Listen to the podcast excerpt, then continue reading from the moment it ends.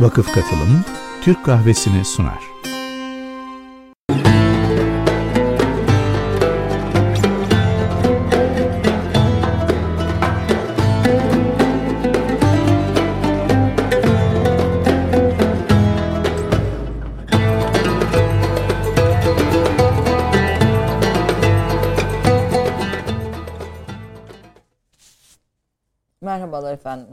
Kahvesinde bugün tutkulu bir sanat konuk ediyorum. Bir sanatsever, bir öncü, sanatçıların hamisi, e, bir sanat yatırımcısı ve hem dünya sanatını hem Türk sanatlarını geliştirmek için birçok projeye imza atmış önemli bir isim Mehmet Çebi. Bugün konuğum. Hoş geldiniz efendim. Teşekkür ediyorum. Sağ olun. Hoş Ee, bulduk. bir tutkulu bir sanatsever dedim ama kendinizi öyle görür müsünüz? Olabilir, olabilir. Yani benim görmem mesele değil, dışarıdan insanların nasıl gördüğü önemli. Ehli insaf insanların diyelim. Ehli insaf. Evet, evet çünkü ağzınızda kuş tutsanız, yani hangi işi yaparsanız yapın, birilerine yaranamazsınız. Zaten herkese yaranırsanız sizde bir problem var demektir. İşin Ama ehli insaf diyelim. Yani o ehli insaf olan insanlar hangi kanaate varmışsa o kanaat makbuldür bence. Ee, biz programdan önce e, Mehmet Bey ile konuşmaya başladık. Ee, 50'ye yakın e, dünya çapında da dünyada da sergiler yapmış eserlerin e, sanatçıların hamisi olmanın ötesinde dünya mü- müzayedelerinden birçok eser almış. Onları koleksiyonlar e, yapmış. Bir koleksiyoner de aynı zamanda.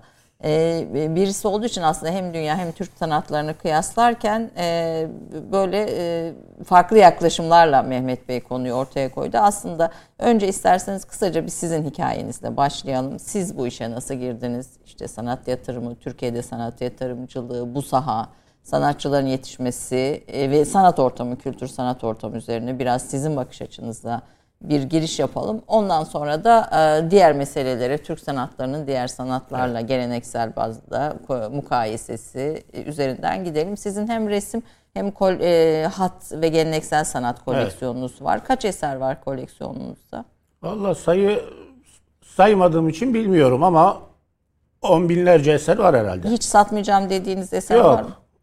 İyi parayı görürsem satarım. Niye ne olacak ya? Diyorsunuz yok böyle. Yani sonuçta yani satacak olduğumuz insan da kıymetini bilen bir insandır ki hele hele önemli olan eserlere de iyi para vermesi lazım satın alabilmesi için.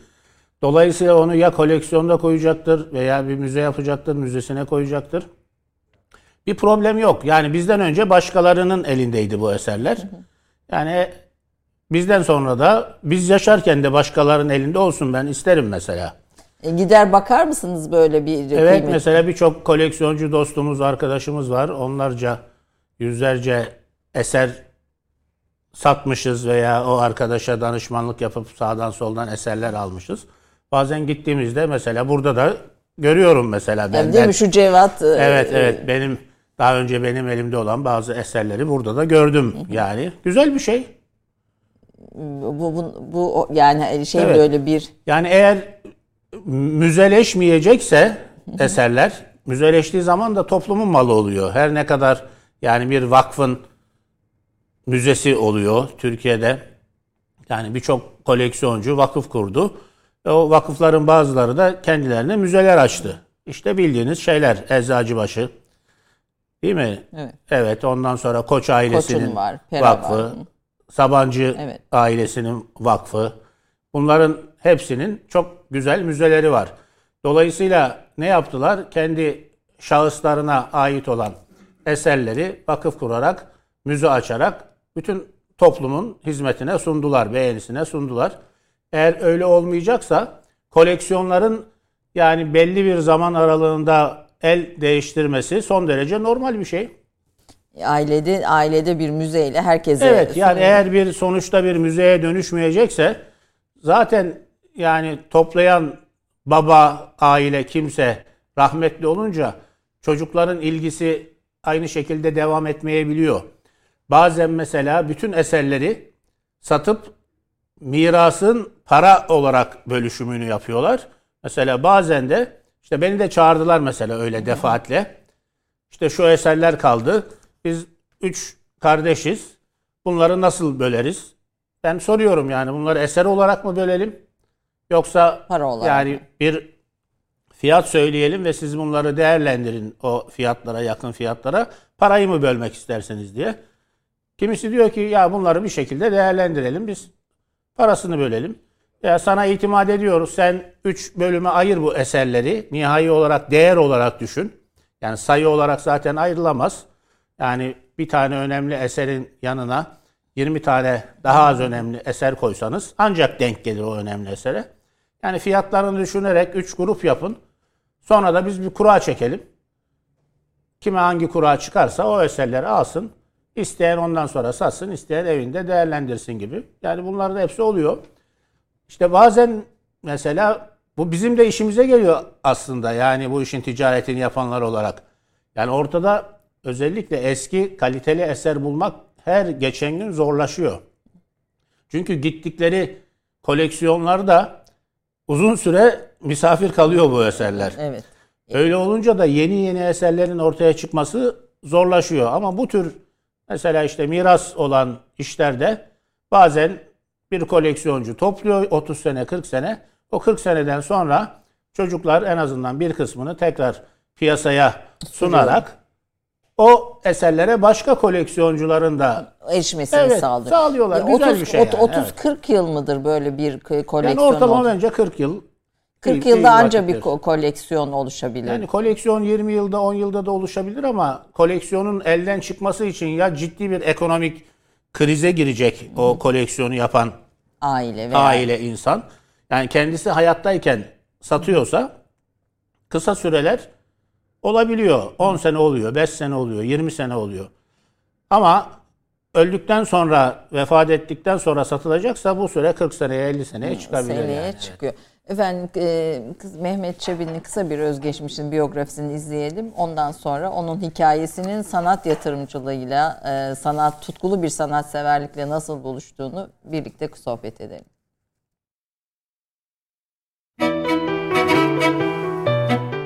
Mehmet Çebi 1968 yılında İstanbul Süleymaniye'de doğdu.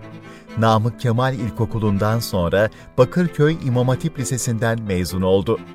İstanbul Üniversitesi Siyasal Bilimler Fakültesi Kamu Yönetimi bölümünden mezun olduktan sonra İstanbul Üniversitesi İktisat Fakültesi Sosyal Siyaset bölümünde master yaptı.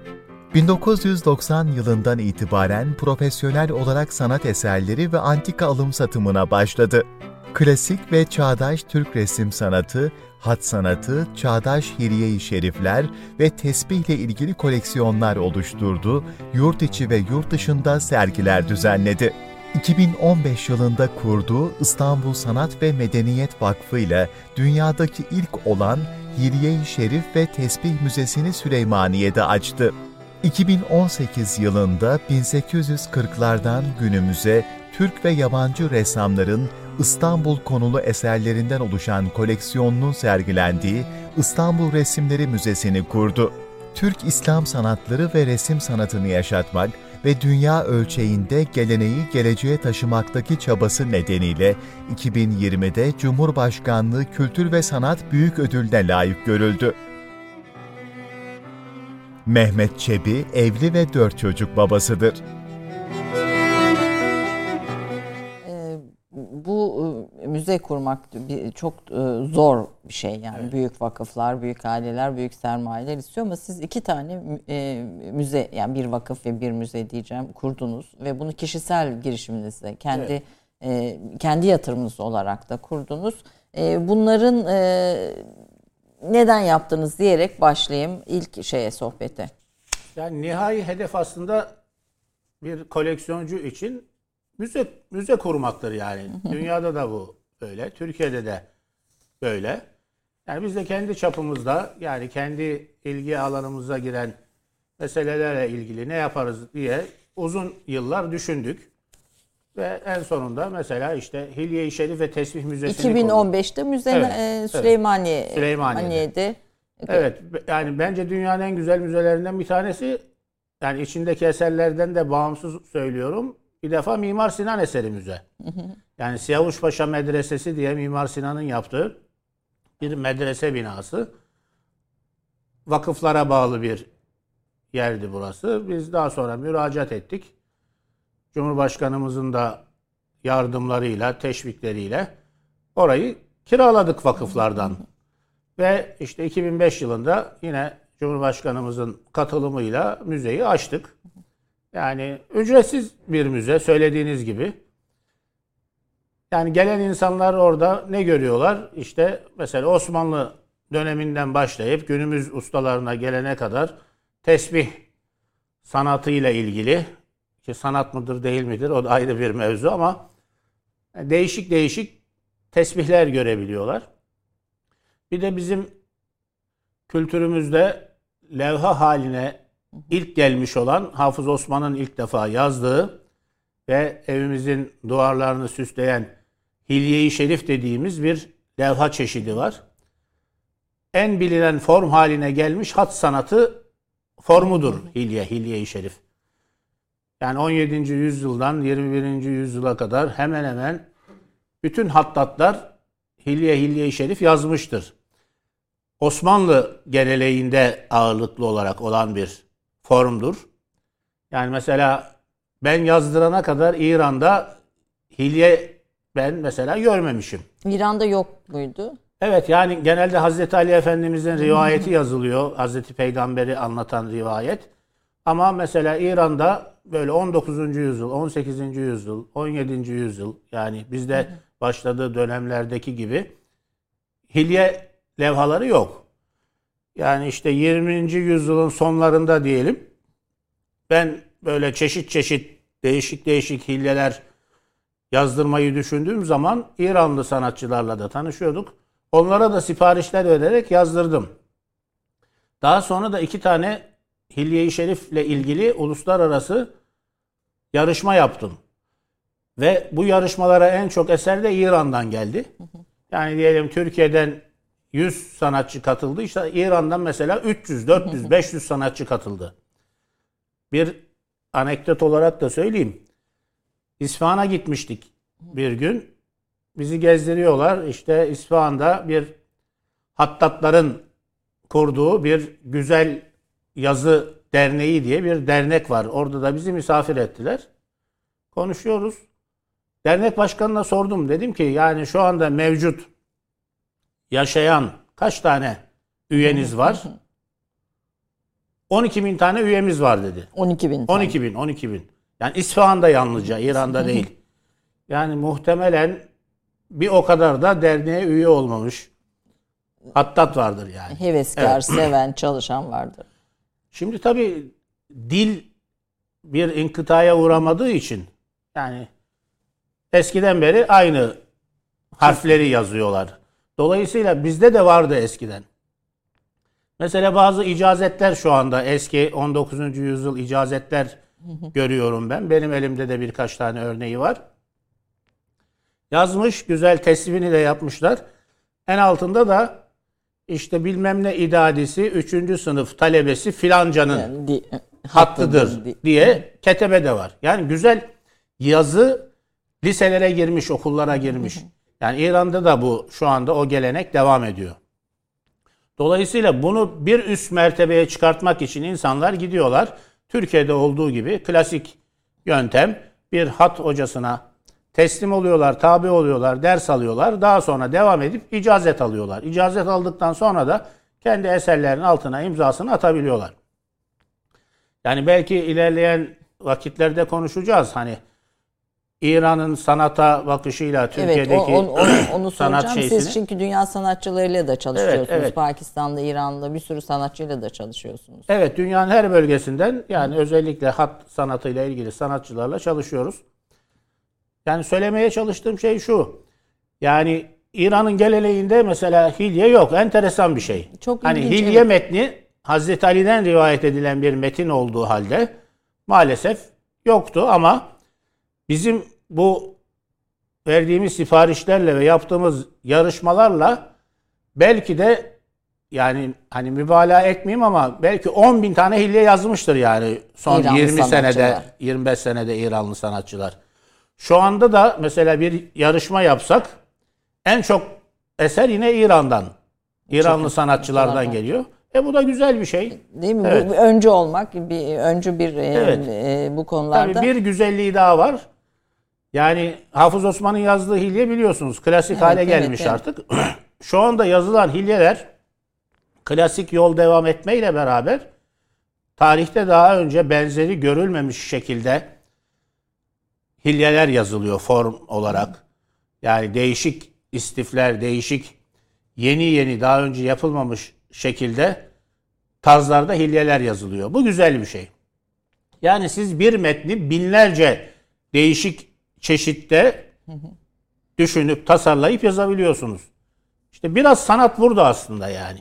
E, bu Hilye-i Şerif örnekleri te- ve tesbih örneklerini bu müzede e, görüyoruz. Görüyoruz, E, evet. Siz kişisel tesbih koleksiyonunuzdan 500 eseri de burada e, sergiliyorsunuz aynı zamanda. E, sanat şaheseri bir şey var. 36 padişahın sıralı resminin Ha, olduğu. evet, evet, Onu evet. görmüştüm ben. Evet. Çok da kıymetli taşlarla Güzel, süslü. Bir güzel, de evet. bir de muhtelif taş örnekleri görüyoruz efendim. E, bir ikinci şey de Yani İslam- enteresan bir şey. Şimdi bana da soruyorlar mesela işte bizim bir miktar paramız var. işte sanat eseri almak istiyoruz. Diyorum ki ne seviyorsunuz yani? Sevdiğiniz şeyler alın. 3-5 bir şey sayıyorlar. İçinde tesbih var hepsinin. Türkiye'de kaç tesbih koleksiyoneri var? Onlarca, yüzlerce. Yani yüzlerce tesbih koleksiyoncusu var. En, en Ama- çok kimde var? Ama ben yani hat eseri mi alalım, tesbih mi alalım? Para varsa ikisini de alın. Yani bir problem yok. Ama birinden birini tercih edecekseniz yani bizim en kadim, en köklü yani dünya çapında sanat diye kabul edilmiş en önemli sanatımız hat sanatıdır. Bunu bunu, Bunu unutmayalım. hat, yani. hattan Evet. yana kullanın diyorsunuz.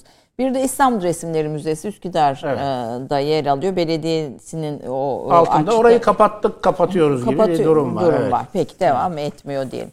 Şimdi e, e, özgeçmişinizi dinlerken siyaset bilimi okuyorsunuz. Evet, okudum. Ve sonra hatta yüksek lisans daha Evet, yapıyorsunuz. evet, evet, Ee, Sebahattin Zaim Hoca'nın kürsüsünde sosyal siyasette yüksek lisans daha yapıyorsunuz. Ondan sonra e, antika ve sanata doğru yöneliyorsunuz. Bir, bu yönelimi Yani biraz yönelimim ben okurken vardı zaten yani. Sonradan olan bir şey değildi. Hani nasıl başladınız dediniz ya. Ben Bakırköy İmam Hatip'te okurken ilk hat. merak meraklıydım yani. Edebiyata karşı bir merakım vardı. Yani bugün herkesin bildiği o meşhur işte hem muhafazakar camianın hem de diğer camianın da önemli adamlarını biliyorduk yani. Bu iş biraz da nasip kısmet işi. Mesela ben İstanbul'da değil de Ankara'da okusaydım mesela herhalde bu, bu mesleği yapmazdım. İstanbul bunu sevmenin tam yeri. Evet Beyazıt'ta okuduk. Affedersiniz. Estağfurullah buyurun. Yani Çınaraltı ve Saflar Çarşısı o zamanlar güzel mekanlardı. Evet. Yani ben vaktimin çoğunu Çınaraltı'nda ve Saflar Çarşısı'nda geçirdim yani. Okula da arada bir uğruyordum yani. Ne O var ne yok evet. bir bakalım filan diye. Yani Çınaraltı'nda mesela en az 10 tane 20 tane tesbih ustası gelir tezgah açardı. Bir de tesbih satıcıları vardı. Ya bazıları var ya böyle hayatları film olacak türde böyle görmüş, geçirmiş, bilgili, kültürlü, seviyeli insanlardı. Onlarla oturup sohbet ederdik mesela. Saatlerce sohbet ettiğimiz yani genel mevzularda bazen tesbih üzerine, bazen başka sanatlar üzerine saatlerce sohbet ettiğimiz insanlar vardı. Birikimli ustalar, gerçek Aynen öyle. ustalar. Oradan çıkıp sahaflara girdiğiniz zaman yani hangi dükkana girerseniz girin o dükkanların hemen hemen hepsinde Osmanlı döneminin güzel sanat eseri örneklerini görebiliyordunuz. Kimisi kitap halinde, kimisi levha halinde, kimisi hat sanatı, kimisi ebru sanatı, kimisi ferman, kimisi obje olarak. Ama bugün maalesef artık üniversite kitaplarının, lise kitaplarının satıldığı, turistik dandik dundik işlerin yapıldığı maalesef yani. Hani orada 3-5 tane yine bu Aslında işi bir devam kültür ettirmeye. ortamıydı, bir kültür Tabii. muhitiydi sahaflar. Evet. Yani oralardaki o göz aşinalığı, oradaki o güzel insanların Birikimleri. dostluğu, onlarla yaptığımız sohbetler Yani onların bize yaptığı abilik bizim bu işe olan merakımızı bir iş olarak düşünmemizi zaman içerisinde gündeme getirdi. Yani ben söyledim o zaman da yani geliyordu onlar da esnaf insanlar bizim de merakımızı bildikleri için mesela paramız olmadığı biliyorlardı ama beğendiğimiz bir eser varsa al bunu git parasını olduğu zaman ödersin diyorlardı yani. ben o yıllarda başladım aslında bu işe, bu işin ticaretine. Antikacılığa aslında. Evet. Yani daha okurken eser alıp satmaya başladım. Yani e bir de mesela demek ki bir göz zevkimizde varmış. Yani 10 katı fiyatlara sattım 3 ay, 5 ay, 6 ay, bir sene içerisinde. Öğrencilikte diyorsunuz bu Evet, işin evet, ticaretine evet. başladım. Bir reklam Evet. arası verelim efendim. Bir reklam arasından sonra bu hikayenin devamını izleyeceğiz.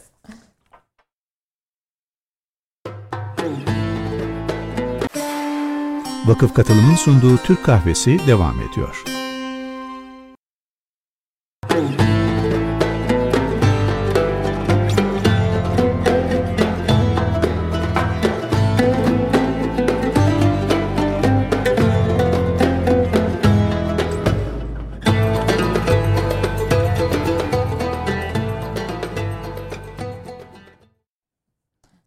Türk kahvesinde e, sanatçıları kendi alanında değer, e, derinleşmiş pek çok ismi konuk ediyoruz. Akademisyenleri pek çok ismi konuk ediyoruz ama zaman zaman da bu işin bir başka tarafını e, yatırımcıları konuk ediyoruz. Bunlardan birisi Mehmet Çebi. Geleneksel sanatların değerlenmesine katkı sağlayan önemli isimlerden birisi. Türkiye'ye değer katan önemli isimlerden birisi. Ee, Mehmet Bey'in bir, e, birinci bölümde özgeçmişini dinledik ve siyasal mezunu. İktisatta yüksek lisans yapıyor fakat e, bu yola giriyor. Onu anlatıyordu. Önce Fatih'te ardından Nişantaşı'nda Evet. kendimi ticaret yaparken buldum diyorsunuz. Evet, aynen. Ee, niye Nişantaşı? Yani Fatih Nişantaşı yani Fatih Harbiye biraz bir Türk e, edebiyat tarihinde de bir şeydir. Böyle bir semboldür aslında. Öğrencilik yıllarımızda vaktimiz genelde hep Fatih civarında geçti. Rahmetli Esat Coşan Hoca Efendi'yi duymuştur. Bilenler bilir. İskender Paşa Camii. Orada sohbetleri olurdu. Yani daha önce de başka böyle kültür sanat faaliyetleri, dergicilik faaliyetlerinde falan bulunmuşluğumuz oldu. Bunların hepsi o dönemlerde Fatih civarındaydı. Yani dolayısıyla Fatih'te daha çok vaktimiz geçtiği için bir ticari bir iş yapalım diye düşündüğümüz zaman da ilk aklımıza gelen yer Fatih oldu tabii doğal olarak. Fakat bir müddet sonra yaptığınız iş daha çok ağırlıklı olarak hangi bölgelerde yapılıyorsa oralara hicret etmek gibi de bir durum oluyor yani. Müzayedenin merkezi Fatih Evet, değildi. Değildi tabii ki değildi. Yani Fatih'te bizim olduğumuz zamanlarda çerçeveci bile yoktu ya. Yani bırakın bir sanat eseri, galeri falan. Hani bir sanat eseri getirip çerçeve yaptırayım dediğiniz zaman o bile Fatih'te yoktu yani. Genelde bu işlerde Nişantaşı merkez. Yani diyelim 5-6 tane önemli büyük müzayede firması var Türkiye'de. Hepsi yani Teşvikiye Camii'ni merkez yapın, şöyle bir pergel yapın. Bir kilometre, bin Bir metre. beş dakikalık yürüme Evet, yolunda 500 hepsi. metre içerisindeydi. Dolayısıyla biz de dedik ki bu işi böyle daha profesyonel yapacaksak bizim de o merkez bir yerde olmamız lazım. Zaten ister istemez yani Fatih'te dükkanımız, işimiz olsa da sıkça yine o bölgeye gidiyorduk. Yani hem eser görmeye hem eser satmaya. Dolayısıyla bir müddet sonra da Nişantaşı'na taşındık. Teşvikiye civarına. Ve hala orada devam ediyoruz. Evet, Teşvikiye'de. Tabii. Ve e, bu müze senede 2-3 müzayedeyle İslam eserleri ve Türk resmi satmaya başladınız. E, Önce yani galeri ve dükkan olarak başladık. Daha sonra da bir müzayede şirketi kurduk ve müzayedeler yapmaya başladık. Yani ağırlıklı olarak ihtisas sahamız Türk resmi ve Türk hat sanatı ağırlıklı olduğu için o sanatların eserlerini daha çok satmaya başladık. Bir de öyle dışarıdan da çok eser almadık. Yani genelde müzayedeciler, müzayede işi yapanlar ağırlıklı olarak %90-95 evlerden, esnaftan eserleri toplarlar, satarlar, bir komisyon alırlar sattıkları esere ve bu şekilde ticaretlerini döndürürler.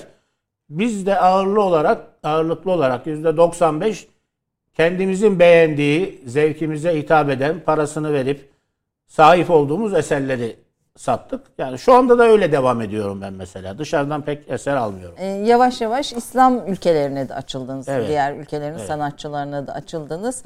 Aslında buradan e, biraz ba- başlayalım. Türk sanatçılarıyla özellikle geleneksel sanatlar bazında Pakistan, İran veya diğer İslam ülkelerindeki sanatçıları kıyaslarsak bizim yerimizin nerede olduğunu düşünürsünüz? Söylersiniz.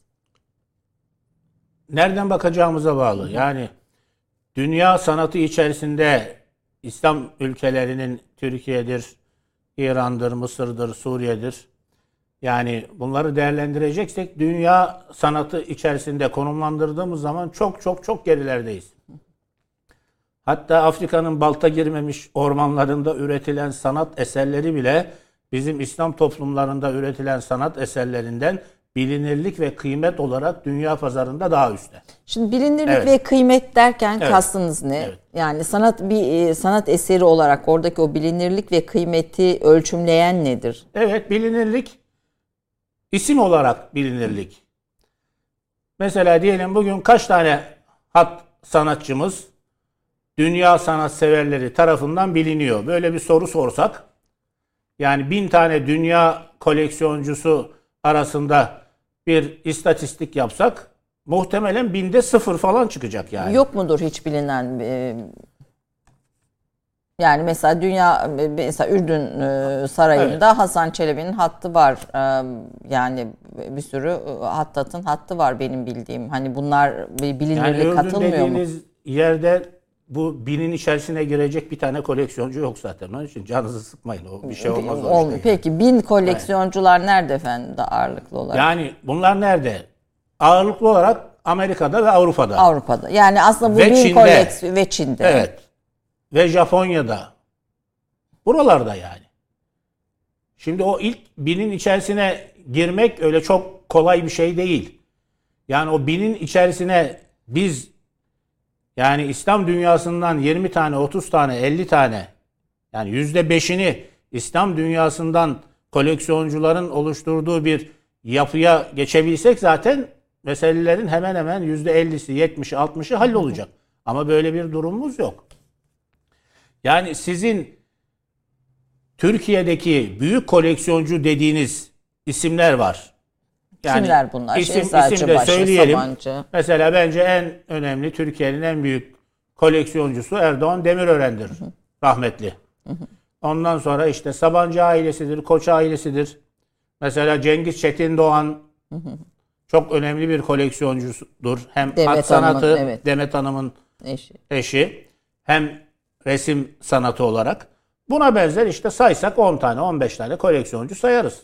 Bizim e, daha ne diyeyim daha e, sağ veya daha muhafazakar mütedeyyin mahalleden kimler varsa. Kimler var ben bilmiyorum mesela kimler var. Böyle bir koleksiyoner ismimiz yok mu efendim?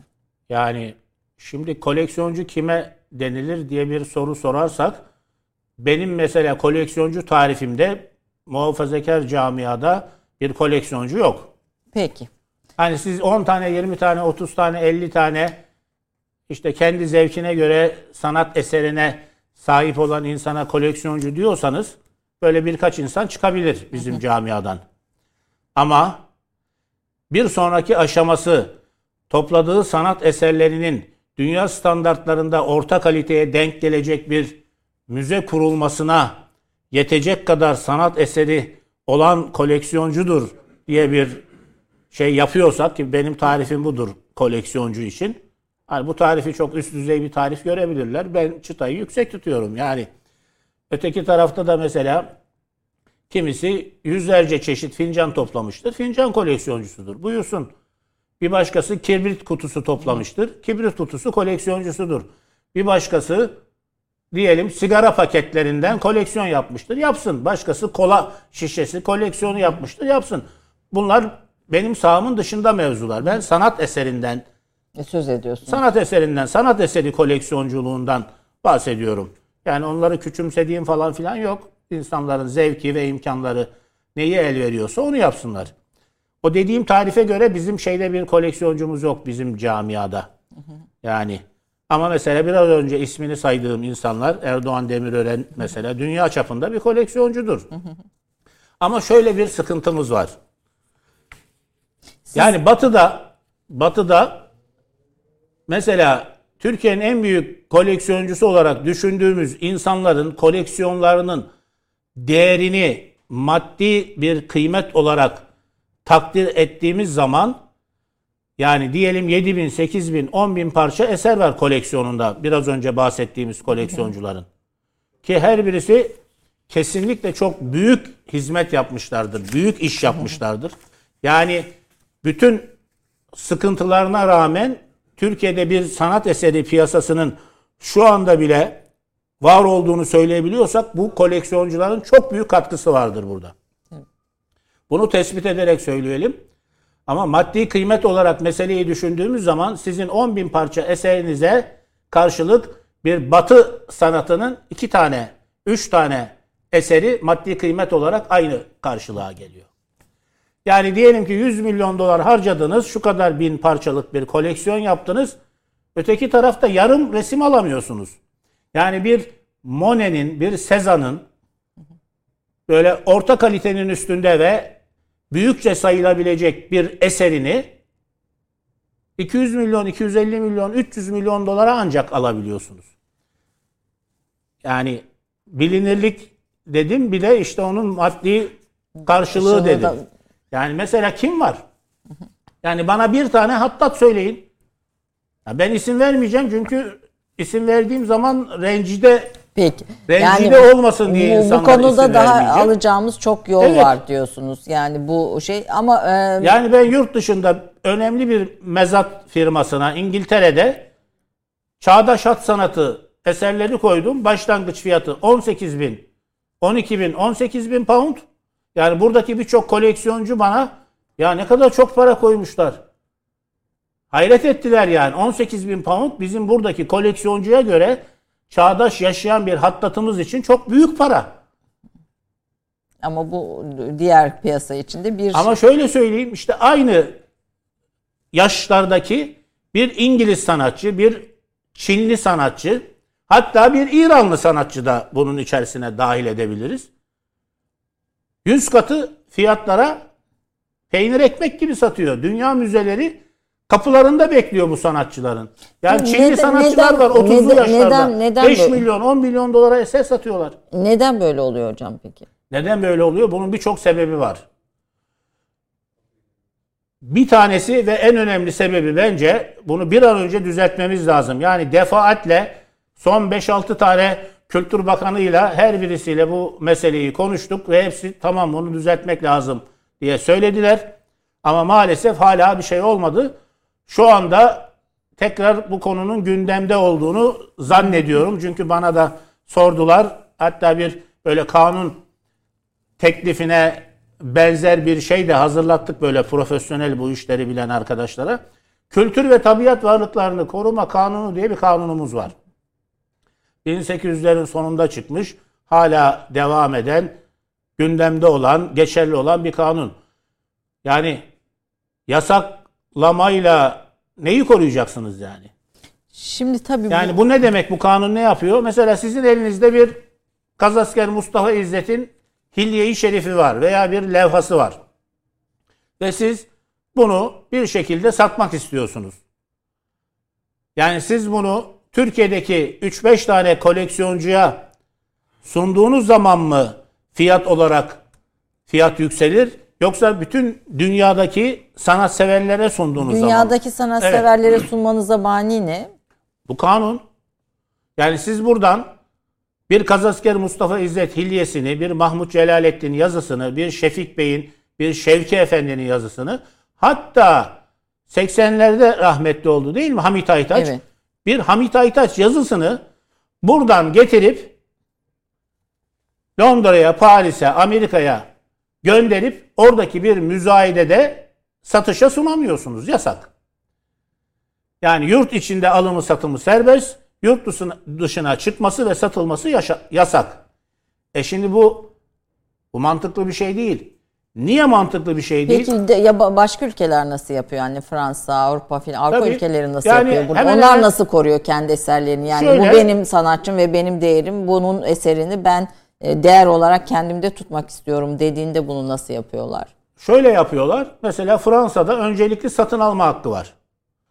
Öncelikli satın alma hakkını Fransa'daki devlet kurumları istedikleri zaman kullanıyor, kullanabiliyor. Ama fiyatın oluşmasına karışmıyor. Yani siz gidiyorsunuz bir mezat şirketine, oradan beğendiğiniz bir eseri satın alıyorsunuz. Diyelim 5 liradan çıkıyor, 500 liraya satılıyor eser. O eseri aldığınız zaman eser sizin üzerinizde gözüküyor. Fakat müzayede bitince müzayedeyi yönetenler yanında birileriyle beraber sizin yanınıza geliyor. Size diyorlar ki işte Sayın Çebi şu şu eserleri aldınız. Şu bir tanesi hariç veya şu iki tanesi hariç bu eserlerin parasını ödeyin ve istediğiniz zaman alın. Nereye götürmek istiyorsanız götürün. Ama bu iki tane eseri Louvre Müzesi öncelikli satın alma hakkını kullanarak satın aldı diyorlar. Benim başıma geldi. Evet. Yani Paris'e 3 saat mesafe bir köyde 8 tane Osmanlı fermanı mezata çıkıyor. 17. yüzyıl fermanlar böyle boyum kadar 2 metre, boyum da 2 metre değil ama 2 metre, 2 metre 20 santim falan ve orijinal dönem tesipli fermanlar. Ve çıkış fiyatları da 5000 euro. Ben bunu bana bir arkadaş gönderdi. Dedi ki basılı katalog yok. İnternette böyle küçücük bir yerde ben bir bunu küçücük gördüm. bir köyde de bunların bulunması. Küçücük köyde evet enteresan böyle hangar gibi bir yer. 1500-2000 parça obje var. İçinde böyle günlük kullanılan bardaklar, çanaklar nereden denk geldiyse, nasıl düştüyse böyle 8 tane de her birisi müzelik şahane ferman var. Ben tabii 5000'i görünce Fırladınız Türkiye'deki gitti. fiyatları da tahmin ediyorum yani 300-400 binle bunlar satılır. Parayı bulduk dedim kendi kendime. Fakat bir gittik oraya ki oho Türkiye'den 30 kişi gelmiş. Amerika'dan, Fransa'dan, İngiltere'den, Belçika'dan, Almanya'dan yani işle ilgili ne kadar esnaf varsa yani mübalağa yapmıyorum en az 100 tane esnaf gelmiş oraya. Siz bu müzayede ekiplerin esnaf olarak e, yani ticaretini Tabii yapıyorlar. tabii adam alacak o da bizim Onun gibi, gibi işte satacak. satacak. Bir de telefonla bağlananlar var arada. arada. 5000'den Ya başladı. o 5 fermana yani bine yakın insan. 8 tane fermana en az 100 tane yani kendisine göre ben bunu 10 bin alırım, 50 bin alırım, 100 bin alırım diye kendine göre bir alacağı fiyatı tespit edip gelen 100 civarında insan olmuş. 5000'den başladı tabii. Biz daha elimizi kaldıramadan zaten 100 bin oldu. O arada elimizi kaldırdık 100 bin bizde. E, bayrağı indirene kadar 200 bin oldu. Yani 280 bin euroya bir tanesini, 320 bin euroya bir tanesini, 340 bin euroya bir tanesini buna benzer fiyatlara o 8 taneden 4 tanesini aldım ben. Başardınız bunları almayı. Evet başardım. Şimdi ben oraya gidip o 100 tane adamı görünce bunları kendimin ticari olarak alıp satamayacak olduğunu anladım. Dedim ki bu iş yükselir fiyatlar. Yani biz bunu alıp ticari olarak üstüne bir para koyup satamayız. Ben bir tane Türkiye'nin önemli koleksiyonculardan bir tanesini aradım. Dedim böyle böyle bir durum var. Paris'te böyle böyle eserler çıkıyor. Dolayısıyla biz siz de isterseniz bu eserlerden yani sizin koleksiyonunuza uyacak olanları alalım. O da tamam dedi. İşte aldık dört tanesini fakat o üç tanesini alabildik. O bir tanesini işte Louvre Müzesi öncelikle satın alma hakkını kullanarak yani 5000'den başlayan eseri 350 bin 400 bin euroya kadar çıkar eseri en son fiyat üzerinden satın aldı Louvre Müzesi. O genişletilen İslamik bölüm var birkaç sene önce açılan.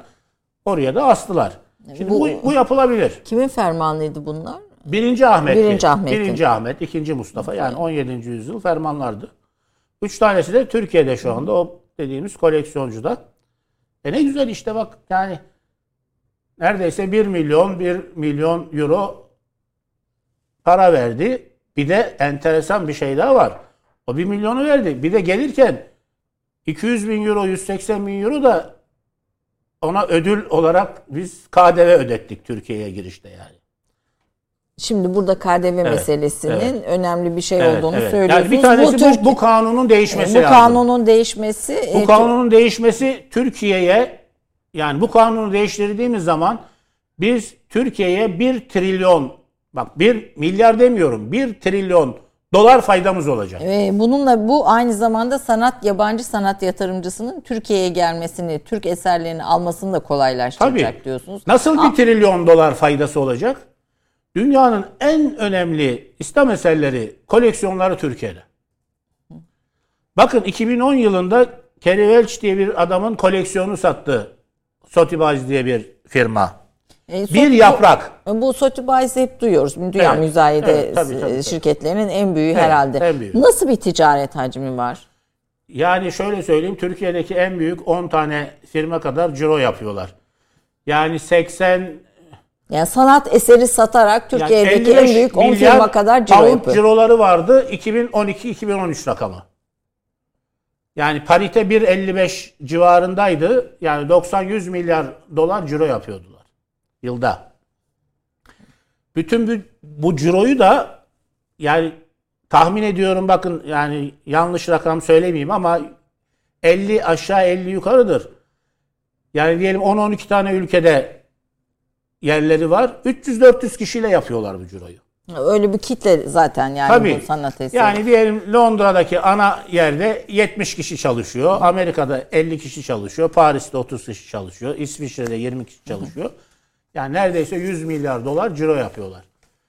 Orada sanat eserinde KDV olmadığı için %25 komisyon alıyorlar. Eser alandan %10, 12, 15 anlaşmaya göre de eser satandan alıyorlar. Yani düşünün na- nasıl büyük bir e, bir piyasa. Evet ve bir piyasaya para kazanıyorlar. Dolayısıyla para kazandıkları zaman ne oluyor? Vergilerini de ödüyorlar, devlet de kazanıyor. Yani oralarda bu işler biliyorsunuz sıkı yani bizim hani Türkiye'de de öyle şu anda herhalde öyle zannediyoruz. Peki sanat Ama öyle gayri resmi bir iş yapmak çok mümkün değil. yani. e, bu KDV meselesi sanat yatırımcısının Türkiye'ye Evet. kültür sanat e, eseri almak için gelmesine veya burada iş yapmasına engel olan bir konu olduğunu Evet söylüyor. yani Türk Türk sanat sevenini de korumak lazım. Yani olmayan veya az olan ama olmasını istediğimiz, umduğumuz bir kültür sanat dünyamız var. Ve biz yani bu kültür sanat dünyasında iş yapmak isteyen, burada müşteri olmak isteyen, eser üretmek isteyen, koleksiyon yapmak isteyen insanlara biraz destek olmamız lazım. Nasıl oluruz? İşte bu KDV meselesini hallederek oluruz. Yani çok büyük bir gelir yok. Bakın ben size bazı rakamlar söyleyeyim. Benim konum olduğu için biliyorum. 3. Milli Kültür Şurası'nda bu meseleyi çalışmıştım. Yani Türkiye'deki sanat eseri piyasası. Yani 2010, 2011, 2012 yıllarında 1 milyar dolara kadar çıkan bir piyasamız vardı. Yani müzayedeler, uluslararası yaptığımız fuar ve 500'e yakın sanat galerisinin bir cirosu vardı. Yaklaşık 1 milyar dolar civarında bir ciro vardı. Fakat bu şu anda 100 milyon dolar bile değil bu ciro. Düştü. Düştü, çok düştü. Neden? Yani Bu 4 pandemi- sene 5 senedir sürekli aşağıya geliyor. Bu pandemi falan meselesiyle beraber iyice düştü. Hem fiyatlar düştü. Yani şöyle söyleyeyim. Yani 10 sene önce TL olarak aldığınız 100 TL'ye aldığınız eseri 10 sene sonra 100 TL'ye satamıyorsunuz. Bunu dolar diye düşündüğünüz zaman 3'te 1'e 4'te 1'e düştü Neden bu fiyatlar. düşüşün sebebi ne? Düşüşün sebebi yeni koleksiyoncu çıkartamadık. Çünkü piyasayı ayakta tutan, piyasanın geri gelmesine engel olan, ileri gitmesini sağlayan aynı esere birden çok kuvvetli alıcının talip olmasıdır. Yani çok sayıda koleksiyoncunun bu eseri ben alayım, kendi koleksiyonuma katayım diye bir rekabet içerisine girmesidir. Şimdi yeni koleksiyoncu çıkartamadık. E yeni koleksiyoncu çıkmadı. Bir eski koleksiyoncuların bir kısmı rahmetli oldu. Evlatlar e, işi Erdoğan Demirören gibi, Kaya Turgut gibi. Yani bunlar büyük koleksiyonculardı. Rahmetli oldular.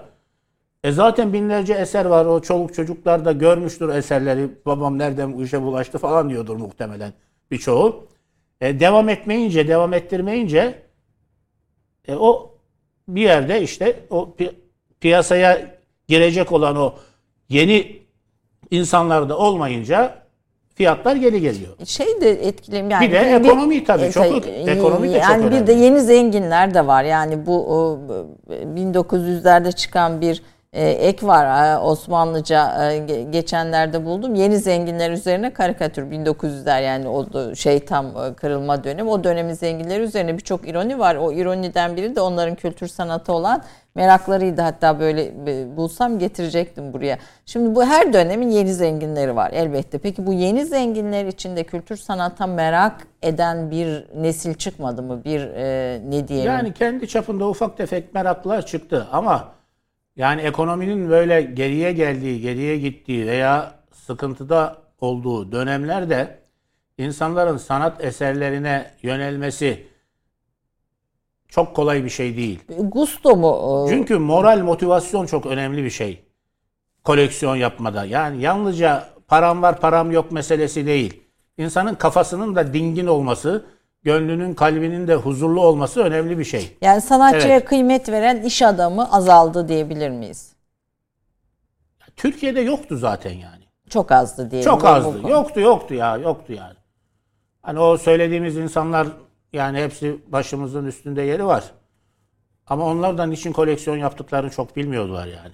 Biraz biraz böyle eserler ucuzken aldıkları için hem kendi eserlerinin değeri kıymeti düşmesin diye birçoğu alışveriş yapmaya devam etti ve son derece mantıklı bir şey yaptılar. Bir de alıştılar yani. Öyle çok böyle anlayarak, bilerek, severek koleksiyon yapan Türkiye'de var mıdır ben bilmiyorum. Ha varım diyorsa koleksiyoncular yani beni özelden arayıp niye böyle konuşuyorsun diyebilirler. Peki eve yansıyor mu kültür ve sanat Türkiye'de? Yani eve yansıyan kültür yani siz sonuçta bunu e, müzelere değil evlere satıyorsunuz. Vallahi yani. kültür denilen şey bir anda oluşan, bir anda bir yerden bir yere giden, yansıyan falan bir şey değil. Biraz uzun soluklu bir şey. Ama sanat daha kısa sürelerde sevilebilecek, tüketilebilecek bir şey. Yani onun için yani insanların etkilenmesi normal bir şey. Mesela bazı sanatçılar vardır. Yani normalde o sanatçıların ederinin o olmaması lazım. Ama bakıyorsunuz yani hiçbir dönemde böyle çok düşmüyorlar yani. Hep belli bir şeylerin devam ettiriyorlar. Ya ben bunu düşündüm. Niye böyle acaba? Kim mesela bunu? Mesela İbrahim Safi. Çok resim yapmıştır. Yaptığı resimlerin konuları çok çok çok güzeldir. Genelde İstanbul, İstanbul'un en güzel yerlerini yapmıştır. Çok resim yapmıştır, çok ucuza satmıştır kendi zamanında. Çok eve girmiştir. Ve herkesin sevebilecek olduğu tarzda, türde resimler olduğu için bir isim oluşmuştur. Mesela siz gittiniz bir dostunuza, ahbabınıza, oturdunuz kahve içerken karşınızda bir İbrahim Safi, Safi tablosu. E baktınız Sarıyer'in sırtlarından boğazı yapmış. 3-4 tane çingene kadın oturmuş orada ellerinde çiçek demeti yapıyor. Bak ne kadar güzel bir konu.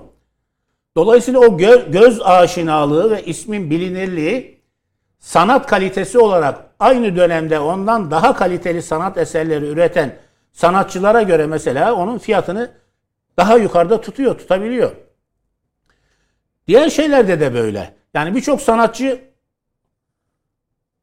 bazen bilinçli olarak mesela önemli koleksiyonculara eseri gitsin diye eserini hediye de edebilir veya bir esnafa satmayacağı fiyata önemli gördüğü bir insanın ofisinde, evinde eseri olsun diye çok cüzi şeylere de verebiliyor. Bence mantıklı yapıyor. En azından bir dönem için mantıklı bir şey yapıyor.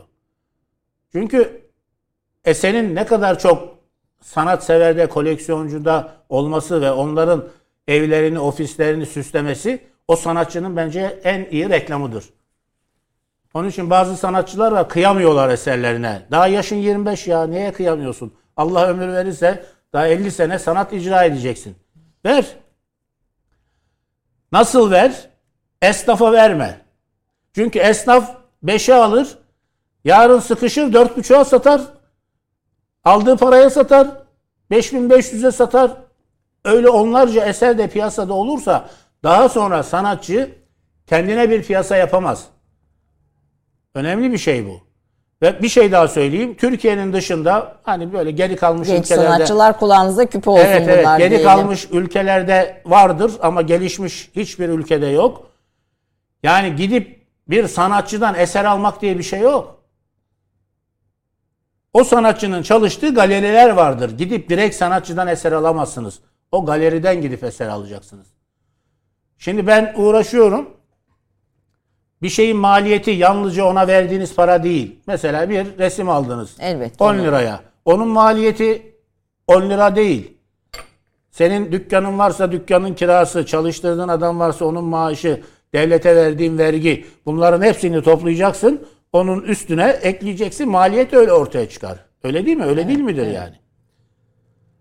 Ama ne yapıyor bizim koleksiyoncumuz? Geliyor sana fiyat soruyor. Ondan sonra diyor ki ya işte bunu sanatçı daha ucuza veriyor. Gidiyor bu sefer sanatçıya. Sanatçı da esnafa verdiğinin %10 fazlasını bulursa Satıyor. satıyor gidiyor. Öyle olunca ne oluyor? İşte öyle olunca bir Profesyonel sanat Evet, piyasası da oluşmuyor. e, oluşmuyor. Oluşmuyor. e, de- Evet. Devam ediyor. E, taklit yerine e, farklı bir şey yapmayı öneriyorsunuz. Evet. Yani ve piyasa e, hat özellikle geleneksel sanatlarda taklitle dolu ama taklit yapmayın. Ona evet iddialı bir yani bana göre hiç iddialı değil. Son derece normal bir söz söyleyeceğim ama başkaları bunu çok iddialı kabul edebilir. Ediyorsalar öyle etsinler. Yani Türkiye'de sanat eseri diye ortaya çıkan eserlerin %95'i sanat eseri falan değildir yani. Yani yüzlerce, binlerce sanat eseri üretiliyor Türkiye'de her ay. Çünkü o kadar çok artık sanatçı yani sanatçıdır değildir o ayrı bir tartışma. Yani o kadar çok sanatçımız var ki artık her dalda ve bunlar çok sayıda eser üretiyorlar her ay. Tabii biz burada pi- dünya piyasalarında veya bu bu işin e, yatırımcıları içinde değer kazananları söylüyoruz. Yani, Yani ürettiğimiz şeylerin %95'i sanat eseri değil. Zanaat eseri. Yani uğraşıyoruz onunla. Evet. Etrafına işte halker yapıyoruz, tesip yapıyoruz. Bir istif yapıyoruz. Etrafını güzel böyle ince kalemlerle tasih yapıyoruz. Tamam. Uğraştığımız için zanaat eseri. Ama bunlar sanat değil. Yani Mimar Sinan'ın Süleymaniye'si sanat eseri. Peki ne yapmak Ama lazım? bugün onun taklidini yapmak sanat eseri değil. Biraz önce konuştuk. Peki taklit Evet. yerine ne öneriyorsunuz sanatçılara, genç sanatçılara? Gen- Genç sanatçılara bir defa dünya sanatını ana hatlarıyla öğrensinler. Yani yalnızca kendi icra ettikleri sanatla sınırlı kalmasınlar. Ki Türkiye'deki sanatçılar kendi icra ettikleri sanatı bile bilmiyor yani. Maalesef bilmiyor. Peki dünya sanatçılarını öğrensinler. İlave ne söylüyorsunuz? Bir reklam Yani arasına genel gideceğim. olarak sanat fikirleri olsun. Dünya sanatı nereye gidiyor, ne oluyor, hangi sanat dalları var ve kendi sanatımızı o sanat dallarıyla nasıl mezzedebiliriz, bütünleştirebiliriz, o sanat dallarından nasıl kendi sanatımıza bir şeyler katabiliriz, bunun hesabını yapsınlar. Peki. Bir reklam arası verelim. Reklam arasından sonra devam ediyoruz.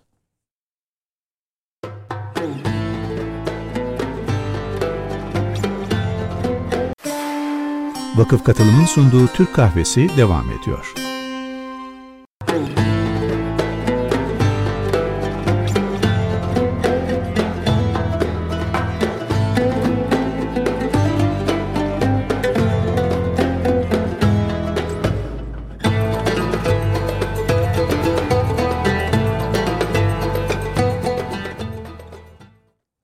Türkiye'de kültür sanat destekçilerinden önemli isimlerden birisi Mehmet Çebi konuğum. Şimdi reklam arasında konuşuyorduk. Özellikle e, sanatçılara taklit yapmayın, kendi sesinizi bulun, kendiniz olun diyen bir e, sanat yatırımcısı Mehmet Çebi.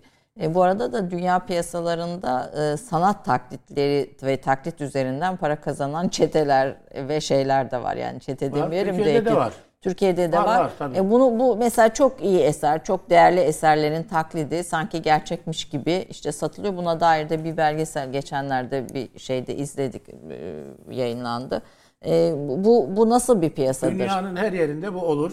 Türkiye'de de olur, Avrupa'da da olur, her yerde olur. Yani o belgeseli işte siz de izlediniz, biz de izledik. Şu anda da Türkiye'de var. Yani ben dikkatli olmalarını tavsiye ediyorum koleksiyonculara. Özellikle yakın zamanda ölmüş, diyelim ki son 10 sene içerisinde ölmüş, para eden çağdaş resim sanatçıları var. Bunların hepsinin bir Doğan, şekilde Doğan Çay falan gibi herhalde. Doğan Çaydır, Mehmet Gündür, başka isimlerdir.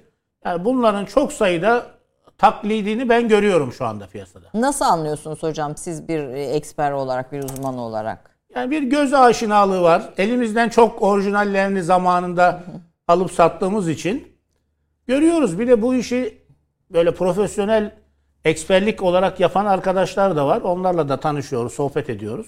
Onlar da aynı şeyi söylüyor. Yani onun için dikkat etmek lazım. Mesela ben olsam ne yaparım?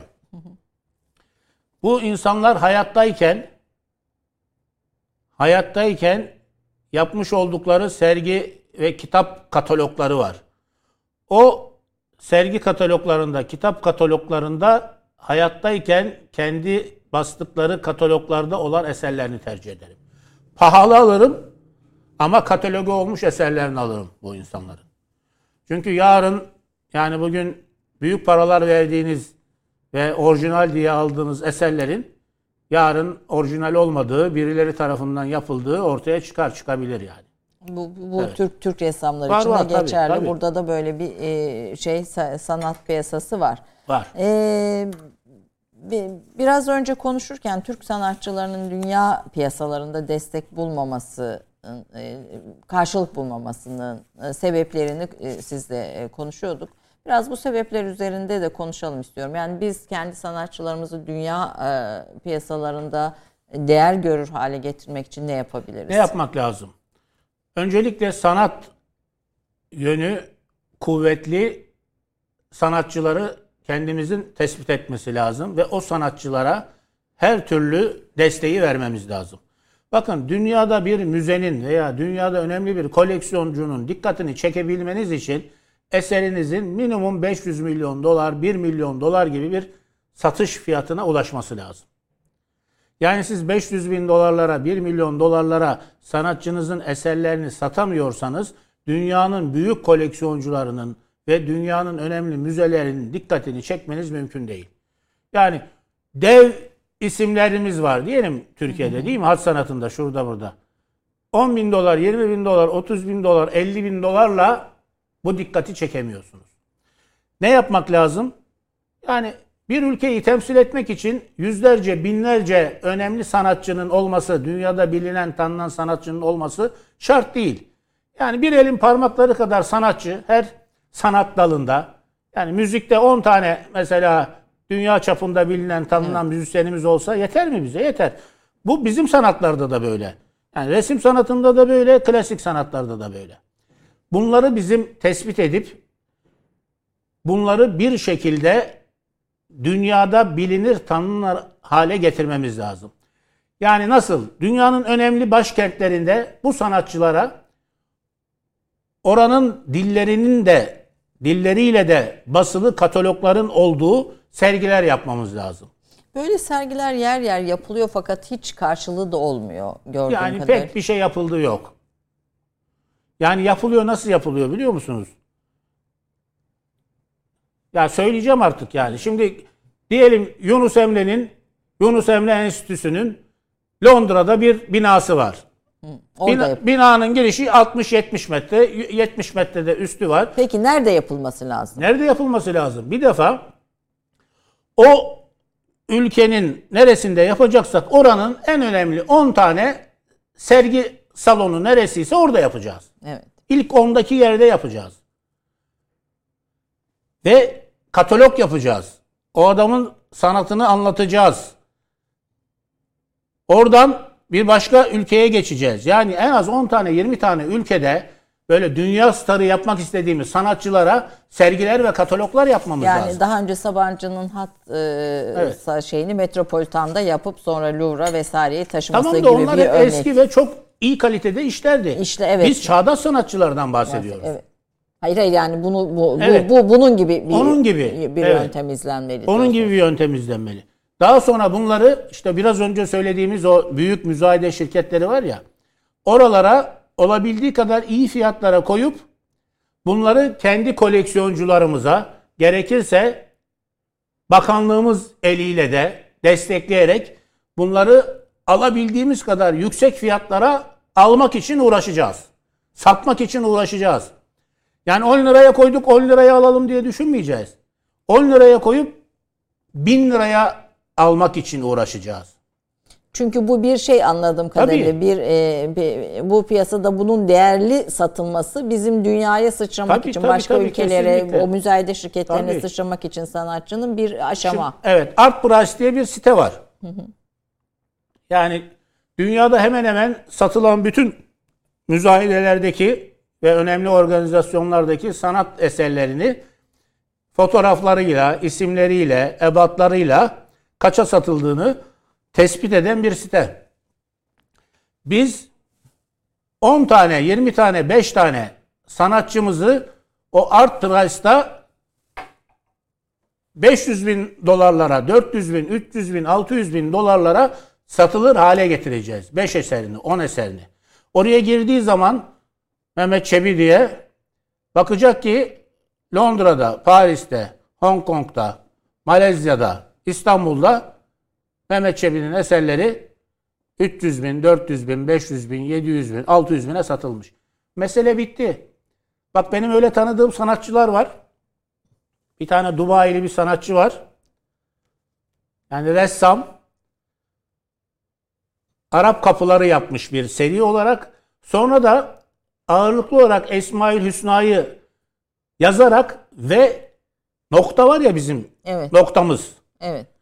Denge unsuru olarak da noktayı resimlerinde kullanarak böyle renkli tuval üzerine akrilik boya, yağlı boya içinde hattın olduğu ve noktanın da resmin hemen hemen her tarafında bir şekilde bulunduğu resimler yapıyor. Dubai'ye gittiğimiz zaman ziyaretine gidiyorduk. Mesela evi böyle 1000-1500 metrekare bir evi var. En az 600 tane 500 tane resim vardı evinde. Bana dedi ki ya bunları al İstanbul'da sergi yap.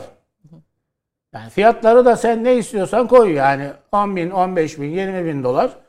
Satarsan yarısı senin yarısı benim falan dedi. Dedim ki yani sergi yapılır bir problem yok ama eser satılır mı satılmaz mı ona bir şey veremem. Hani sergi yapmak için uğraşalım ama eser satmak için yani bir garanti veremiyorum. Çünkü yani Türkiye'de bu çok bilinmiyor böyle şeyler. İslami kart falan filan. Neyse tamam sonra konuşuruz falan dedik. Bu dediğim sanatçı arkadaş bu dediğimiz müzayede firmalarının bir tanesine eserini koydu.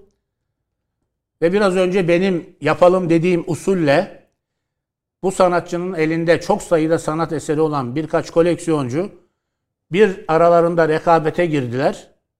400 bin dolara sattılar. Bir eser. Bir eseri. Bir sonraki müzayedede bu dediğim müzayede şirketlerinden bir tanesi bu ressamın resmini kapak yaptı. Onu da Katar Müze'ye tavsiye ettiler. Katar Ve Müzesi aldı. Katar Müze daha yüksek bir fiyatla aldı. Şu anda dünyanın hemen hemen önemli bütün müzeleri sipariş usulüyle bu sanatçı arkadaşa eserler yaptırıyor. Yani bir yol var. Yani ye- yeni bir şey keşfetmeye lüzum yok. Bak yapmış bunu adamlar işte. Bizim bunu yapabilecek olduğumuz sanat değeri, sanat kalitesi olan hattatlarımız, ressamlarımız var. Yani yapalım bunu. Bunu yaptığımız zaman ne olacak biliyor musunuz? Yalnızca o 5 tane, 3 tane, 10 tane sanatçının sanat eserleri yükselmeyecek.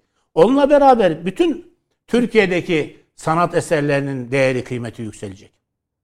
Biraz önce bir söz söyledim. Ama millet yani hesap yapmayı bilmediğimizi zannetmesin. Yani bir trilyon doların bin tane milyar dolar ettiğini biliyorum yani. Bunu hayali kullanmıyorum. O kanunun kalkması 3 sene, 5 sene, 10 sene içerisinde dünyada Türk, Osmanlı, İslam sanat eserleri fiyatlarını yani hemen bir sonraki sene olmayabilir ama 5 sene, 10 sene içerisinde hiç mübalağa etmeden söylüyorum en az dolar bazında 10 katına 20 katına çıkartacak. Buna demek sizin şu anda müzelerinizdeki sanat eserlerini değerlendirmeye aldığınız zaman çıkacak olan karşılık da 20 kat 30 kat artacak demek. E dolayısıyla biz niye kendi kendimizi, kendi elimizdeki eserlerin değerini, kıymetini düşürüyoruz? Yani Türkiye'den çok önemli, bizim müzelerimizde bulunmayan kalitede sanat eserleri çıkar mı vatandaşın elinde? Çıkar, çıkabilir.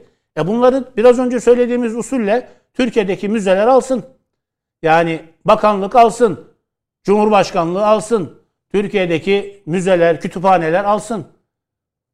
Ama yani bir kazaskerin yazısı bugün artık 10 bin dolarlara zor satılıyorsa, 20 bin dolarlara zor satılıyorsa burada kendi kendimize sormamız lazım. Yani ona denk gelen bir batı sanatçısının eseri yani Kazasker'le aynı döneme denk gelen bir batı sanatçısının eseri ki diyelim bir Monet kaç paraya satılıyor, bir Kazasker kaç paraya satılıyor. Yani bir Monet ile bizim şeydeki Ayasofya'daki o büyük 7,5 metre çapındaki Kazasker'in levhaları da dahil olmak üzere bütün müzelerimizdeki, bütün koleksiyoncularımızdaki bütün Kazasker Mustafa İzzet eserlerini bir tane şu ebattaki bir Monet eseriyle satın alabiliriz. Nasıl iş bu? Yani bir Şeyh Hamdullah e, aynı dönemin adamlarına bakın. Değil mi? Leonardo falan aynı döneme yakın adamlar. Yakın, evet. Yani bir Kur'an'ını bugün Şeyh Hamdullah'ın bir Kur'an'ını 2 milyon, 3 milyon dolara satabilecek olduğunuz bir Türk koleksiyoncu var mı? Yok. E, yani... E nasıl olacak? Hani padişahın hürmet ettiği, ayakta durduğu, sanat eseri icra ederken hokkasını tuttu adamdı Şeyh Hamdullah. Hani Türk hattının kurucusuydu. Kıbletül Küttab diye bilinen bir insandı. E böyle bir insanın belki bir sene iki sene uğraşarak yazdığı bir Kur'an 600 sayfa bir eser ki ondan sonra teslifi de yapılıyor. O da ayrı bir iş. Yani 1-2 milyon dolara müşteri bulamıyoruz böyle bir esere. Şöyle dünyaya evet. E, şey yapsak bir dünya müzayedesi yani bir uluslararası o müzayede şirketlerinden birisi için de aynı şey geçerli mi? Problem orada işte. Yani siz şu anda Londra'daki o müzayede şirketine Londra'da yaşayan bir vatandaş olarak herhangi bir İngiliz vatandaşı, Türk vatandaşı, Japon vatandaşı bir şekilde elinize bir Şeyh Hamdullah Kur'an geçmiş. Getirdiniz. Dediniz ki ben bunu müzayedeye koymak istiyorum. Tamam. Provenans soruyorlar. Orada da bir sıkıntı yoksa bana dedemden kaldı, babamdan kaldı. 1965'te faturası var. Almanya'daki filanca mezattan aldım. Veya nereden aldıysa aldı. Yani provenansta bir problem yok.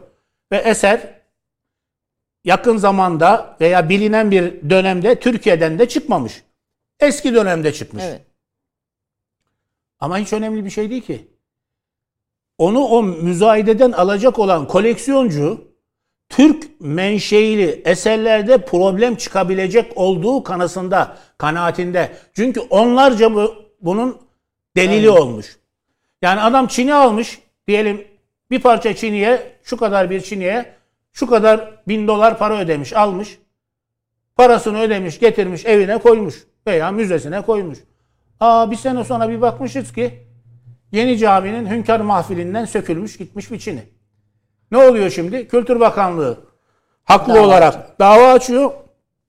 Dava açınca, davayı kazanınca malın mülkiyeti Türkiye'ye geçiyor, bakanlığa geçiyor, vakıflara geçiyor. Öyle olunca da ne oluyor? Müzayede şirketi eseri sattı adama diyor ki kardeşim gel paranı al, eseri getir. Ne oluyor? Bu sefer sıkıntı oluyor. Bu çalıntı malla ilgili. Ama diyelim bir el yazması Kur'an. Bir dönem Türkiye'de görülmüşse burada diyelim bir mezata çıktı 10 sene 20 sene önce ama onu alan adam birine sattı. Sattığı adam yurt dışına gönderdi. 10-15 sene önce Türkiye'de olduğu bilinen bir eser içinde aynı davayı açıyoruz. Aynı prosedür işliyor ve eseri satın alan adam getiriyor. Eseri teslim etmek zorunda kalıyor. Bunun çok örneği var. E, Katar'ın eski başbakanı uçakla getirdi Çinileri Yeşilköy Havalimanı'na bıraktı. Uçak durmadı. Döndü gitti. Buradan bir koleksiyoncudan almış. Yani Çukur Cuma'dan bir koleksiyoncudan eser alıyor adam. Daha sonra bakıyorlar ki eser burada 3 sene 5 sene önce sergilenmiş. Onu tespit ediyorlar. Bir sürü de böyle müzevir var. Hemen böyle bir şey gördüğü zaman gidip şikayet eden falan filan eden. Adam getirdi, eserleri bıraktı gitti. Şimdi bu adama biz nasıl kanunları uygun hale getirmeden Osmanlı eseri satacağız? Ben size soruyorum Katar'da dünyanın en güzel müzelerinden bir tanesi değil mi? Katar İslam Eserleri Müzesi. Ya Katar'daki İslam Eserleri Müzesi'ndeki aramız bu kadar iyi olduğu halde Osmanlı eser yok ya. Evet. Türk Osmanlı eser yok. Yani bir tane kanuninin fermanı var. Onu da Londra'dan bir yerden Londra'dan aldılar. al- Zaten British Bir tane de Museum çok- Osmanlı eseri diye bir şey koymuşlar. Osmanlı eseriyle alakası yok. Niye almıyor adamlar? İşte canlarını sıkmak istemiyorlar yani. Ya dost ülke diye canını sıkmak istemiyor veya ya kardeşim niye paramızla rezil olalım Ee, mantığı oluyor. E, Biz tabii hep sanat eseri deyince şeyleri konuşuyoruz işte hat, e, hele geleneksel sanatlar, hat, tesip vesaire böyle bir şey. Hatta bir, bir- bir- binlerce kurs, binlerce yeni genç hatta yetişiyor. Umarım içlerinden çok iyi sanatçılar da çıkar. Bir, bir e, Türk resim sanatları var. Hani Türk sanatları. Bir de İznik vesaire gibi. Şimdi Hani sanat sanat eseri deyince yani o ötekiler yandan çarklı sanat eseri gibi oluyor. O- hangileri? Yani Çini'dir, odur, budur, Ebru'dur falandır filandır. Yani dünyada sanat eseri deyince önce resim akla Geliyor. geliyor. Peki. Türkiye'de sanat eseri deyince de önce resim, sonra da birazcık hat etrafında dönen bir şey var. O obje tarzı işler falan filan onlar biraz zanaat oluyor ve çok şeysi yok onların yani. O yani biz Evet. objeyle sanat eserini bir defa birbirinden Evet, bir evet, ay, evet, ay- ay- ay- ayıralım ayıralım yani, diyoruz. E, fakat programdan önce de konuşurken sanat e, eserlerinde geriye gidişten söz ettiniz. İşte İznik'ten başlayarak Evet. hani bir ilerleme değil de aslında bir geriye gidiş var. Biraz bunu da programımızın son dakikalarına doğru geldik Yani ama klasik manada düşündüğümüz zaman aslında hat sanatında sonradan gelenler çok daha şanslı. Niye? Daha önce o sanatla ilgili üretilen eserleri görme şansları var. Yani 16. yüzyılda diyelim Şeyh Hamdullah Osmanlı ekolü Türk hat sanatını kurdu değil mi?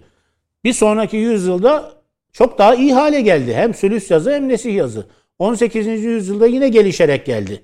19. yüzyılda aslında zirveye çıktı hat sanatları. işte hat İstanbul'da Kur'an İstanbul'da Tabii, yazılır tabii. lafı e, o dönemi kapsar. Bir fetret dönemi oldu. Yani Osmanlı'nın son dönemi, Cumhuriyet'in ilk başları.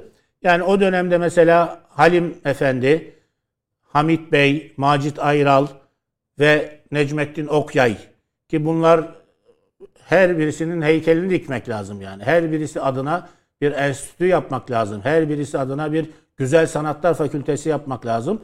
Bu dört tane çok büyük insan Cumhuriyet dönemi ile Osmanlı dönemi arasında köprü oldular.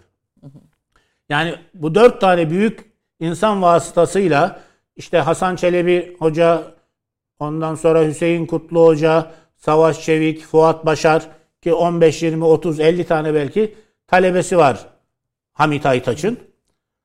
Bunlarla unutulmaya terk edilen bir sanat canlandı. güçlü. canlandı, yeniden ihya oldu ve bu saydığımız isimlerin talebeleriyle beraber de bir inkişaf oldu yani. Evet. Yani şöyle söyleyeyim bugün yani Mehmet Özçay gibi, Osman Özçay gibi, Davut Bektaş gibi, Cevat gibi, Ferhat gibi yani hakikaten birinci kalite onlarca sanatçımız var. Yani isimlerini sayamadıklarımızı da isimlerini mahfuz tutarak konuşuyorum. Yüzlerce, binlerce sanatçımız var. Yani bugün Şevki Efendi gibi nesih yazan, yani Sami Efendi gibi Celi Talik Celi Sülüs yazan, Kazasker Mustafa İzzet gibi Sülüs Nesih yazan onlarca, yüzlerce sanatçımız var. Burada bir problem yok. Problem nerede? Problem şurada. İşte bunların yazdıkları şeyler bunlara benziyor. Yani bir şeyin klasik olması kötü bir şey değil. Bir şey güzel olunca klasik oluyor. Yoksa güzel olmazsa zaten unutulup gidiyor. Niye düşünülsün? Niye tekrar edilsin? Niye taklit edilsin? Güzel bir şey. Ama klasiğin çok tekrarı da klasiğin ruhunu bozuyor. Yani biz o dengeyi kuramadık. Yani harfleri bozmadan daha önce yapılmamış günümüzün malzemelerinde kullanarak kullan günümüz malzemeleri de kullanılarak dünya sanatseverlerinin zevkine de hitap eden sanat eserleri ortaya çıkartmakta problemimiz var. Bununla ilgili mesela İran bizden çok önde. Yani başka sanatlarda Yani da dü- tahmin ediyorum dü- önde. Bu e, saydığınız dünyanın ünlü müzayede şirketleri İran sanatçılarını satıyor diyebilir Tabii miyiz? satıyor, satıyor. Eserlerini Hatta şu anda satıyor. yaşayan yani işte Ferhat Müşeri, Muhammed İhsai bunlar İranlı. Bir de Ahmet Mustafa var mesela Mısırlı bir sanatçı. Ben kendisiyle de tanıştım. Çok tatlı, hoş bir adam. Bunlar şu anda milyon dolarlara bu dediğimiz mezat şirketlerinde eserlerini satabiliyorlar. Hat da satıyor. Hat hat. Hat satıyor. Yani hat temelli. Şöyle hani hat temelli işler satılmıyor gibi de Yok. bir gene- genel Hat içinde hattın olduğu ama hat sanatı eseri diyemeyecek olduğumuz İslamik art diye tanımlanan. tanımlayabilecek olduğumuz yani resim tadıyla hat tadını birleştiren eserler bunlar. Mesela Pervis Tenavuli diye bir İranlı sanatçı var. Bilmiyorum eğer biliyorsanız aklınıza gelecektir. Bilmiyorsanız bakın yani sürrealist hat heykelleri var. Mesela bir hiç serisi var. Ya bu kadar mı güzel olur yani? Evet şeyleri boz zaten sürrealist deyince o şeyler Tabii, gitmiş yani. biçimler, formlar zaten. Ama bakıyorsun yani hiç çeşit çeşit dökmüş bunu. Ve daha yaşayan bir sanatçı 500 bin poundlara işte mezata çıkıyor ve satılıyor. En meşhur sanatçılarımız ve de hoca sınıfından sanatçılarımız yani ben birkaç deneme yaptım. 500'ü ona bölersek 50, 20'ye bölersek 25 değil mi? 25 bin dolara isim söylemeyeceğim koyduk eserini bu dünyanın en önemli mezatına bayrak kalkmadı. Niye? Çünkü adam diyor ki yani bunların bir tanesinin İslamik departmanın başındaki adamın sözü. Ben diyor bunu diyor koyacağım diyor ama bunun benzeri diyor 17. yüzyılda var.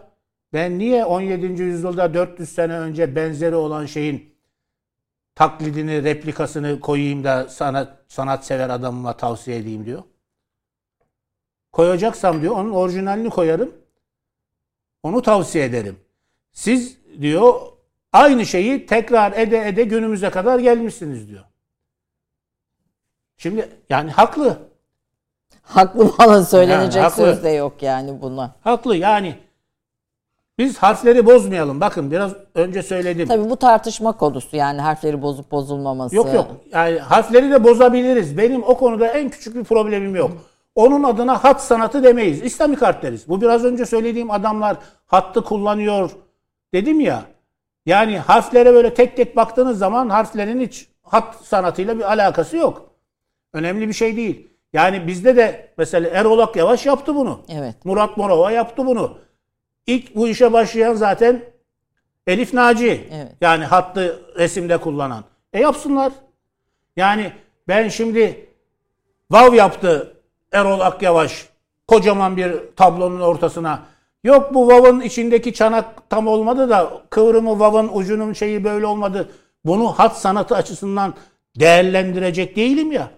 Adam kadim bir kültürü, kadim bir sanatı kendi çağdaş sanatında dekoratif bir unsur olarak kullandı ve onunla insanlara bir mesaj verdi. Kabe'yi de kullandı. Miraç serisi var, Kabe serisi var, hatlı yaptığı seri var. E bugün Erol Akyavaş yine dünyada bizim en çok bilinen sanatçılarımızdan bir tanesi. Dünya- Yapsın yani, hiçbir problem yok. e, Peki resim sanatına geldiğimizde Ama bu- ben şunu istiyorum kendi şahsım olarak. Buna dikkat ediyorum.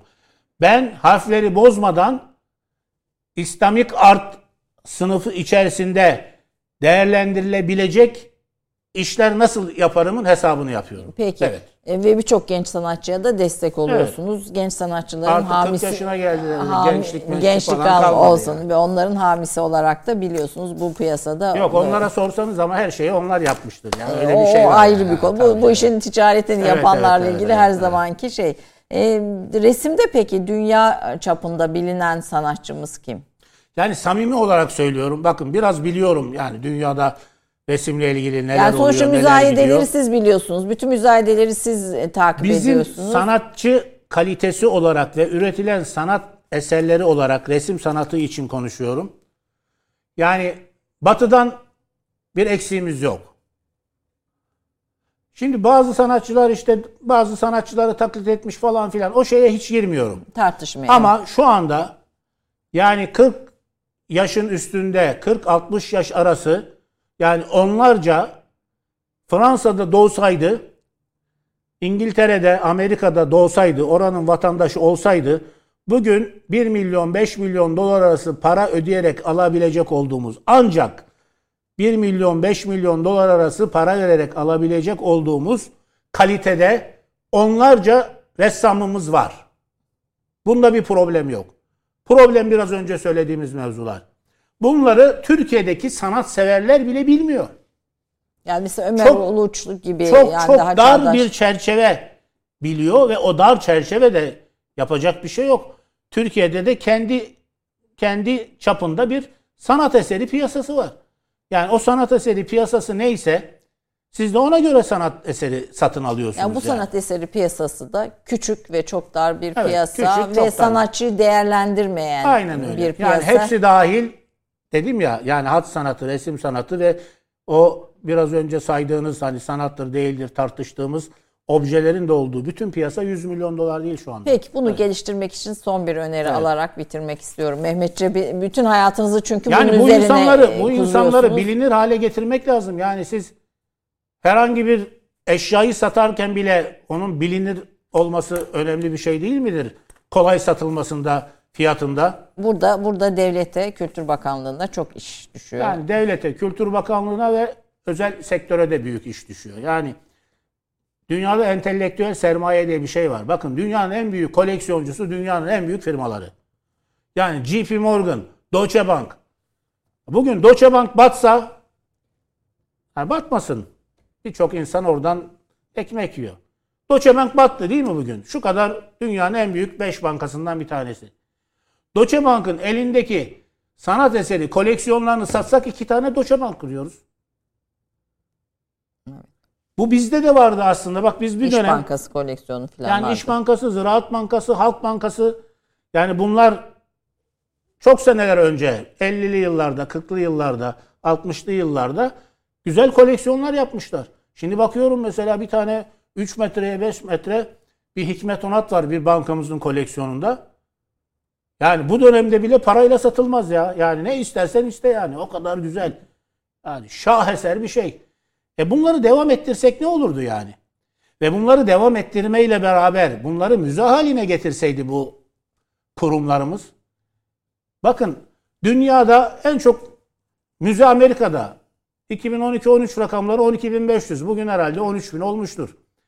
İkinci en çok müze Almanya'da 6400 tane müze. Üçüncü İtalya'da 4200 tane müze. Türkiye'de kaç tane müze var? Müze demeye layık 20 tane müze çıkar. Adı müze 250 küsür tane müzemiz var. Öğren yerleri de dahil olmak üzere. E biz yani 5 sene içerisinde karar versek dışarıdan bir tek eser almadan bin tane müze açabiliriz. Bin tane bakın. Yani yeri tespit edeceğiz. Varsa müsait yer onu kullanacağız. Yoksa inşaatını yapacağız. Ve mevcut müzelerimizin depolarındaki eserlerle bin tane müze yapabiliriz. Yani şimdi karar versek 2023'e kadar 500 tane müze açarız. Daha bir yolumuz var diyorsunuz. E, çok Kendi elimizdeki var. eserleri kıymetini bilip değerlendirmek için. Efendim çok çok teşekkür ediyorum. Gerçekten ben ilgiyle dizle, dinledim. Umarım e, siz de ilgiyle dinlemişsinizdir. Çünkü bilmediğimiz başka bir dünya, sanatın başka bir cephesi, ticareti, sanat piyasası, dünya piyasası ve Türkiye ismini sanatla, kültürle dünyada duyurmanın e, yollarını e, biraz iktisadi e, ama biraz da sanatçıya da farklı bir perspektif sunan bir bakış açısıyla ele aldık. Çok çok teşekkür ediyorum. Kıymetli bir isimsiniz. E, gerçekten e, bu, bu konuda çaba sarf eden, bunun mücadelesini yapan, e, gerekirse yatırımını yapan e, bir isim olarak e, Türk kültür sanat hayatının gelişmesine e, katkılarınızdan dolayı teşekkür ederek Biz programı teşekkür bitirmek ederiz. istiyorum Çok efendim. Haftaya bir başka konuda, e, bir başka konukla buluşmak üzere. Hoşçakalın efendim.